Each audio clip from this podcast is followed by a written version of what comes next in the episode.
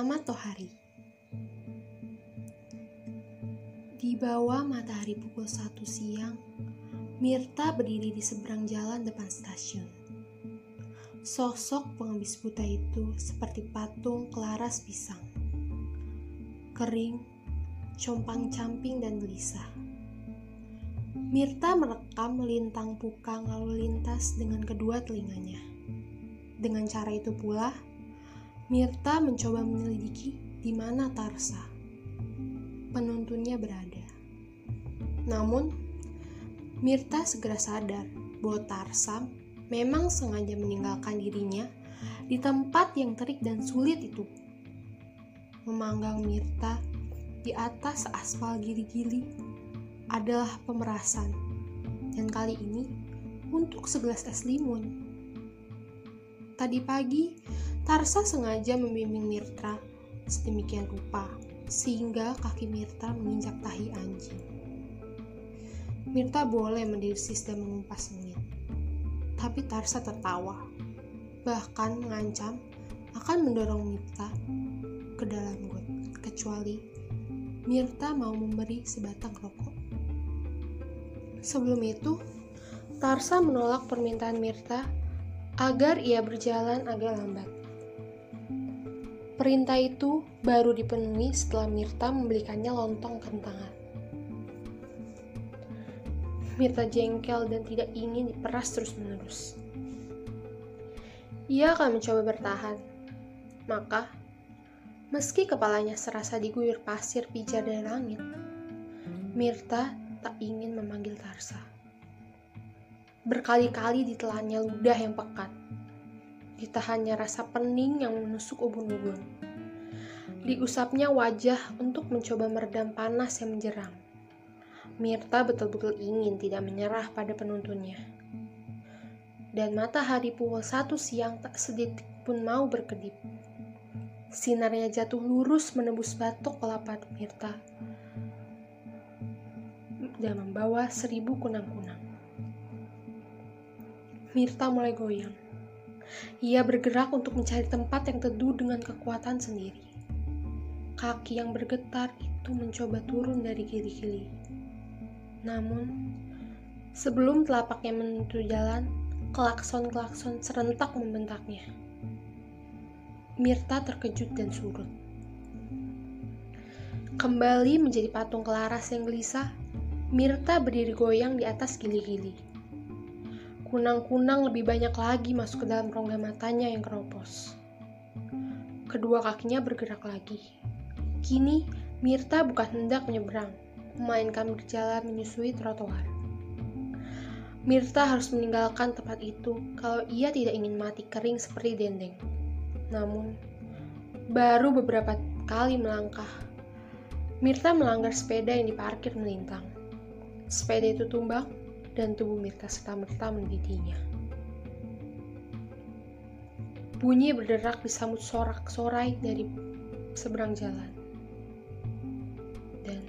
itu suara Tarsa. Pemilik sepeda datang hanya untuk mengurus kendaraannya.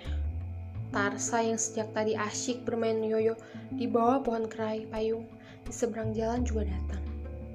Tetapi Tarsa hanya menonton ketika Mirta bersusah payah mencoba berdiri. Tangan Mirta menggapai-gapai sesuatu yang mungkin bisa dijadikan pegangan. Karena tangannya gagal menangkap sesuatu, Mirta tak bisa tegak. Ia jongkok seperti mayat yang dikeringkan.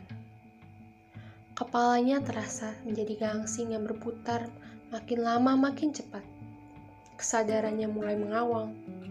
Meski demikian, Mirta tahu Tarsa sudah berada di dekatnya. Panas Kang Mirta?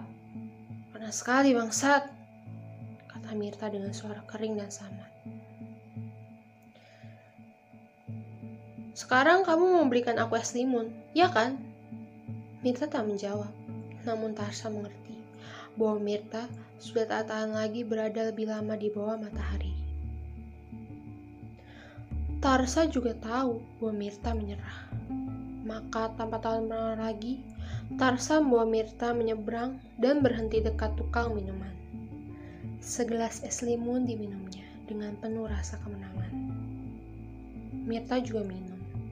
Bukan es limun, melainkan air putih. Segelas, segelas lagi, dan segelas lagi. Selesai membayar minuman, Mirta minta diantar ke tempat yang teduh. Dalam bayangan pohon kerai payung depan stasiun, Tarsa kembali bergembira dengan yoyonya. Namun, Mirta duduk memeluk lutut, diam seperti bekicot. Tiga gelas air putih yang baru diminumnya muncul kembali ke permukaan kulit, menjadi keringat untuk mendinginkan badan yang terlalu lama tersengat matahari. Rasa pening terus menggigit kepalanya, dan Mirta terhuyung ke samping karena tanah yang didudukinya terasa miring dan terus bertambah miring. Ketika merasa tanah makin cepat berayun, Mirta merebahkan badan, melengkung seperti bangkai udang Keringatnya mulai mengeringkan sapuan angin. Tapi, wajahnya perlahan-lahan berubah pucat. Napasnya megap-megap. Terdengar rintihan lirih dari mulutnya. Lalu segalanya tampak tenang. Mirta terbujur di bawah kerai payung depan stasiun. Mirta tertidur atau pingsan, dan di dekatnya Tarsa tetap gembira dengan yoyonya yang melesat turun naik di tangan. Tanpa sedikit pun berkedip, matahari terus beringsut ke barat. Bayangan kerai payung bergerak ke arah sebaliknya, dan lama-lama wajah Mirta tertatap langsung oleh matahari. Terik yang kembali menyengat kulit muka membuat Mirta terjaga atau siuman. Dan hal pertama yang dirasakan ketika Mirta mencoba duduk adalah rasa dingin yang merambah ke seluruh tubuh. Mirta menggigil, dan bel stasiun berdentang nyaring. Pengumuman berkumandang, kereta akan segera masuk. Tarsa menggulung yoyonya dan berbalik ke arah Mirta. Kereta datang, Kang. Ayo masuk stasiun. Mirta tak memberi tanggapan. Ia hanya menggoyang-goyangkan kepala untuk mengusir Kang, kereta datang. Ayo masuk, nanti ketinggalan. Tarsa tak sabar, diraihnya tangan Mirta. Kere pecik ini harus apa lagi kalau tidak mengemis pada para penumpang? Pikir Tarsa. Tetapi Tarsa terkejut ketika menyentuh tangan Mirta. Panas. Tarsa juga melihat bibirnya sangat pucat. Kamu sakit, Kang? Tidak, jawab Mirta lirih. Tarsa ragu tidak banyak kembali tangan Mirta. Memang panas, dan bibir itu memang pucat. Tarsa bertambah ragu. Bila kamu tidak sakit, ayo bangun. Kamu kere, bukan? Yang namanya kere harus ngemis, bukan? Kali ini aku malas. Tapi uangmu sudah habis dan kita belum makan. Kamu juga belum kasih aku upah. Ya, perolehan hari ini memang sangat sedikit. Itulah salahmu. Kira kamu tolol, tak pandai mengemis. Tolol? Aku sudah puluhan tahun jadi kere. Sudah puluhan anak jadi penuntunku. Tetapi, baru bersama mula aku sering tak dapat duit. Jadi, siapa yang tolol? Kang, aku sudah membawa kamu ke mana-mana. Kamu sudah kuhadapkan ke semua orang, semua penumpang. Jadi, kalau kamu tak dapat duit, kamu sendiri yang tolol kan? Kamu yang punya mata. Seharusnya kamu bisa melihat orang yang biasanya mau kasih recehan. Di depan orang seperti itu, kita harus selama bertahan. Omong kosong. Bagaimana aku bisa mengenali orang seperti itu? Betul kan? Kamu memang tolol. Perhatikan mata mereka. Orang yang suka memberi receh punya mata lain. Ah, tai kucing. Orang picek bisa melihat mata orang lain. Sudah aku bilang, aku puluhan tahun jadi pengemis. Kata teman-teman yang melek, mata orang yang suka memberi memang beda. Tidak galak. Ah, betul itu. Itu dia. Dari tadi aku mau bilang begitu. Tarsa, kamu betul. Mata orang yang suka memberi tidak galak. Mata yang suka memberi, kata teman-teman yang melek, enak dipandang. Ya, aku kira betul. Mata orang yang suka memberi memang enak dipandang. Tarsa nyengir. Ada suara gemuruh dan bunyi rem logam yang menggurat telinga. Kereta masuk. Akan ku cari penumpang-penumpang yang matanya dipandang. Ayo Mirta kita jalan. Mirta tidak ber... sedikit pun bergerak. Sudah ku bilang, kali ini aku malas. Apa kamu lupa kereta yang baru datang? Kereta utama bukan? Dia tidak akan bisa masuk kereta seperti itu. Selalu tinggal saja sudah payah. Tunggu saja nanti kereta kelas 3. Tapi kita belum makan, Kang. Percuma mengisi di kereta api utama. Aku sudah berpengalaman. Jadi turutilah apa yang gue bilang. Tunggu saja kereta ke kelas 3. Tarsa diam, meski hatinya jengkel bukan main. Bukan hanya jengkel kepada Mirta, melainkan juga kepada kata-katanya yang benar belaka. Tarsa ingat, memang sulit mencari orang yang matanya enak dipandang dalam kereta kelas 1. Melalui jendela, ia sering melihat berpasang-pasang mata di balik kaca tebal itu. Mata yang dingin seperti mata bambu. Mata yang menyesal karena telah tertumbuk pada sosok seorang kere picek dan penuntunnya. Mata yang bagi Tarsa membawa kesan dari dunia yang amat jauh. Ada bunyi keruyuk dari perut. Tarsa menelan ludah. Ia mencoba melupakan semua dengan yoyonya. Tetapi bunyi dari perutnya makin sering terdengar. Tarsa keluar dari bayangan kerai payung, berjalan tak menentu, dan berbalik lagi. Ia ingin mengajak Mirta, untung-untungan mengisi pada penumpang kereta yang baru datang. Tetapi, dilihatnya Mirta sudah rebahan kembali. Tubuhnya menggigil dan terasa sangat panas.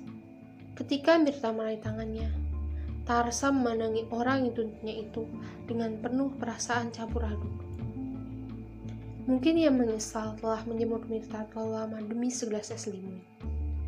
Mungkin juga ia jengkel ketika menyadari bahwa dirinya tidak lebih dari kacung bagi kere picek yang kini menggeletak di tanah di depannya. Sialan, hidupku tergantung hanya kepada kere tua yang keropos kedua mata itu. Mampus kamu Kamirta. Ah tidak, kamu jangan mati. Kalau kamu mati, Kamirta, siapa nanti yang akan kutuntun. Siapa nanti yang akan kuantar mencari orang-orang yang punya mata enak dipandang? Peluit lokomotif berbunyi nyaring dan kereta kelas 1 berangkat. Mata, mata sedingin mata bambu yang datang dari dunia sangat jauh bergerak meninggalkan stasiun. Matahari melirik tajam dari belahan langit barat. Ada pengemis buta terbujur lunglai di bawah pohon kerai yang payung depan stasiun. Tarsa sungguh menyesal telah memeras habis-habisan lelaki yang meski kere dan buta, satu-satunya orang tiap hari memberinya upah. Bahkan Tarsa mulai takut Mitra benar-benar sakit lalu mati. Dalam ketakutannya, Tarsa berpikir bahwa dia lebih baik tidak lagi menyiksa Mirta. Tarsa juga berpikir bahwa sebaiknya ia ikut saja semua karena Mirta. Hanya pengemis di kereta kelas 3 dalam hati, Tarsa mengaku, sebagai pengemis, Mirta sudah sangat berpengalaman. Bel di stasiun kembali berdering. Diumumkan kereta lain akan masuk. Tarsa hafal, yang tiba adalah kereta kelas 3 dari Surabaya. Ditolaknya Mirta yang masih menggeletak di tanah. Mulut Mirta setengah terbuka. Bibirnya sangat pucat, napasnya pendek-pendek. Ketika diraba, tubuh Mirta masih terasa sangat panas. Kereta masuk dan remnya teras, saat menggores hati. Perut Tarsa berkeruyuk. Tarsa ingin menggoyang tubuh Mirta, tapi ragu. Maka Tarsa hanya berbisik di telinga buta yang tengah tergolek itu. Lirih bisikannya. Kang, Kang Mirta, bangun. Kereta api kelas 3 datang. Ayo kita cari orang-orang yang matanya enak dipandang. Tak ada reaksi apa pun dari tubuh Luna itu. Matahari makin miring ke barat, namun panasnya masih menyengat. Tarsa gagap, tak tahu apa yang harus dilakukannya. Mungkin tidak sengaja ketika dia mulai berbisik di telinga Mirta. Kang, Kamu ingin ku antar menemui orang-orang yang mata enak dipandang, bukan? Hening.